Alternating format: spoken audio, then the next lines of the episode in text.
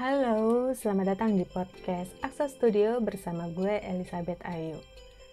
Dalam rangka kompetisi podcast bicara makroprudensial yang diselenggarakan oleh Bank Indonesia dan Pabrik Suara Rakyat, podcast kali ini gue akan membahas tema kenapa kita harus peduli stabilitas sistem keuangan. Pentingnya kebijakan makroprudensial bagi stabilitas sistem keuangan. Dengan subtema digitalisasi permudah akses keuangan. Sebelum kita bahas bagaimana peran digitalisasi dalam akses keuangan, kita akan bahas sedikit tentang makroprudensial. Apakah itu kebijakan makroprudensial? Kebijakan makroprudensial merupakan kebijakan yang bertujuan memelihara stabilitas sistem keuangan secara keseluruhan melalui pembatasan risiko sistemik. Risiko sistemik adalah potensi instabilitas akibat terjadinya gangguan yang menular pada sebagian atau seluruh sistem keuangan karena interaksi dari faktor ukuran, kompleksitas usaha, keterkaitan antar institusi atau pasar keuangan, serta kecenderungan perilaku yang berlebihan dari pelaku atau institusi keuangan untuk mengikuti siklus perekonomian. Ada tiga faktor yang mempengaruhi pemilihan instrumen kebijakan makroprudensial. Yang pertama, derajat pertumbuhan ekonomi dan sektor keuangan. Yang kedua, rejim nilai tukar. Dan yang ketiga adalah jenis kejutan. Keunggulan kebijakan makroprudensial ada empat. Yang pertama, instrumen makroprudensial lebih fleksibel dibanding instrumen fiskal dan memiliki kelambanan implementasi yang lebih pendek. Yang kedua, instrumen makroprudensial bisa disesuaikan untuk risiko atau sektor spesifik tanpa menyebabkan penurunan aktivitas ekonomi. Yang ketiga, biaya penerapan instrumen makroprudensial cukup rendah. Dan yang terakhir, yang keempat, instrumen makroprudensial tertentu bermanfaat pada saat pengetatan kebijakan moneter tidak bisa diterapkan atau inflasi di bawah target. Indonesia adalah salah satu negara yang telah menerapkan kebijakan makroprudensial sejak krisis keuangan global 2008 untuk menjaga stabilitas sistem keuangan. Bank Indonesia adalah otoritas yang bertugas untuk menjalankan kebijakan makroprudensial ini. Indonesia juga telah memiliki komite stabilitas keuangan yang bertugas untuk yang pertama, melakukan koordinasi dalam rangka pemantauan dan pemeliharaan stabilitas sistem keuangan. Yang kedua, melakukan penanganan krisis sistem keuangan. Yang ketiga, melakukan penanganan permasalahan bank sistemik baik dalam kondisi stabilitas sistem keuangan normal maupun kondisi krisis sistem keuangan. Komite Stabilitas Keuangan terdiri dari Menteri Keuangan, Gubernur Bank Indonesia, Ketua Dewan Komisioner Otoritas Jasa Keuangan, dan Ketua Dewan Komisioner Lembaga Penjamin Simpanan. Jadi, kebijakan makroprudensial ini bertujuan untuk menjaga kestabilitasan sistem keuangan, risiko yang terjaga, interaksi keuangan yang baik, dan membantu pertumbuhan ekonomi di mana Menteri Komunikasi dan Informatika menyebutkan selama pandemi COVID-19, terjadi kontraksi ekonomi global sebanyak negatif 5% dan berdampak pada perekonomian Indonesia. Nah, interaksi yang seperti apa sih yang membantu pertumbuhan ekonomi? Kita akan bahas tentang digitalisasi yang mempermudah akses keuangan. Di sini siapa yang semakin sedikit uang cashnya? Kita pasti paham banget nih, kalau sekarang segala sesuatu dipermudah dengan pembayaran secara digital – seperti bertransaksi di tempat makan, pembayaran listrik, pembayaran transportasi umum, dan masih banyak lagi. Ternyata, digitalisasi transaksi ini merupakan peluang besar untuk mendorong pertumbuhan ekonomi daerah, termasuk bagi pelaku UMKM yang kini berjumlah 63 juta. Loh, kok bisa?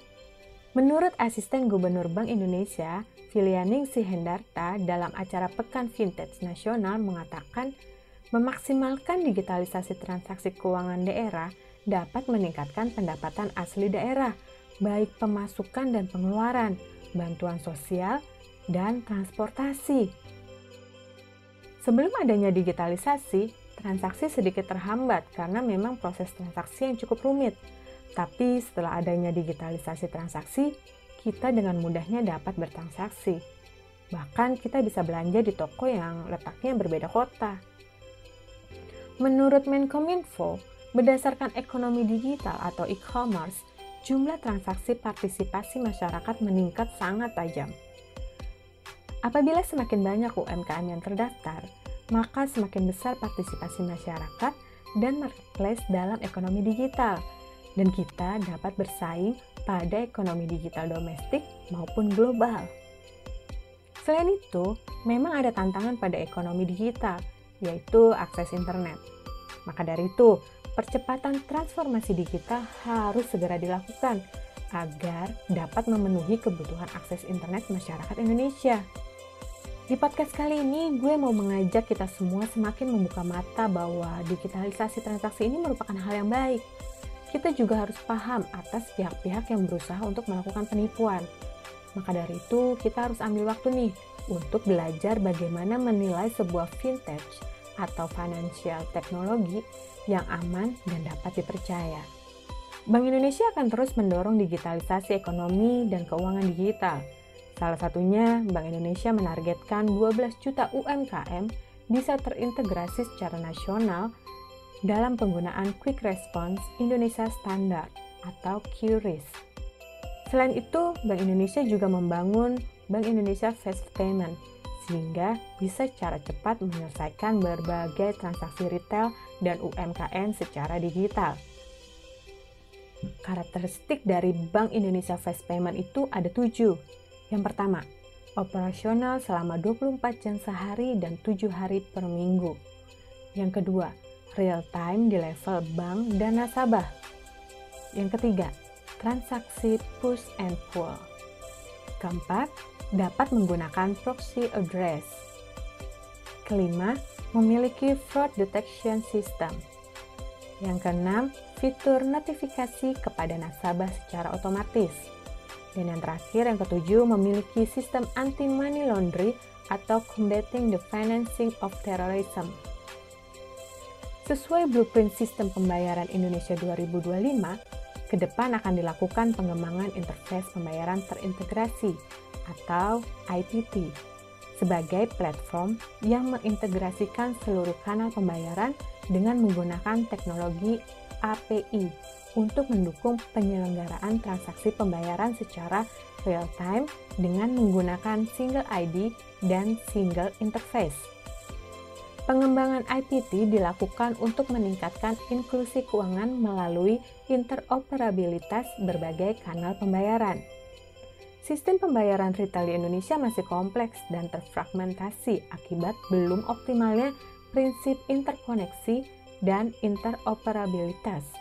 Oleh sebab itu, Bank Indonesia bersama industri sistem pembayaran menginisiasikan Gerbang Pembayaran Nasional atau GPN dalam mewujudkan ekosistem pembayaran retail nasional yang terkoneksi secara optimal dengan prinsip interkoneksi dan interoperabilitas. GPN juga dirancang secara strategis untuk memfasilitasi program pemerintah seperti penyaluran bantuan sosial atau bansos non-tunai, public to government, elektronifikasi jalan tol, elektronifikasi moda transportasi, serta mendukung transaksi di e-commerce nasional. Dan yang terakhir, meningkatkan keuangan inklusif. Salah satu kementerian yang terkait dalam keuangan inklusif adalah Kementerian Komunikasi dan Informatika atau Kominfo. Untuk mendukung penetrasi sektor digital kepada UMKM dan masyarakat umum, Kominfo telah memiliki lima langkah kebijakan yang menjadi prioritas. Yang pertama, melakukan percepatan pembangunan infrastruktur telekomunikasi untuk daerah yang belum terjangkau internet. Yang kedua, Kominfo sedang mengupayakan penuntasan teknologi pendukung yang dibutuhkan untuk transformasi digital. Misalnya, dengan mempercepat pembangunan pusat data nasional dan kebijakan penataan spektrum frekuensi radio atau sering disebut sebagai farming dan refarming. Yang ketiga, pengembangan SDM atau talenta digital dengan jumlah dan kualitas yang memadai serta berkelanjutan. Yang keempat, yang tidak kalah penting, adalah mengakselerasi ekosistem ekonomi digital di mana kita mendorong pembangunan startup, UMKM go online, petani dan nelayan go online, serta lain-lainnya. Yang kelima, terakhir, adalah penyelesaian legislasi yang mendukung ekosistem ekonomi digital. Salah satunya adalah RUU Perlindungan Data Pribadi. Nah, dengan banyaknya pihak yang diuntungkan karena sistem digitalisasi ini, khususnya akses keuangan, kita nggak perlu takut untuk menggunakan sistem ini. Karena Bank Indonesia itu sendiri juga berusaha untuk menjaga semua transaksi kita aman dan terpercaya. Mari kita dukung kebijakan makroprudensial dan mari kita bersama-sama meningkatkan pertumbuhan ekonomi Indonesia. Sekian podcast dari Axel Studio, gue Elizabeth Ayu, tetap semangat dan stay positif ya.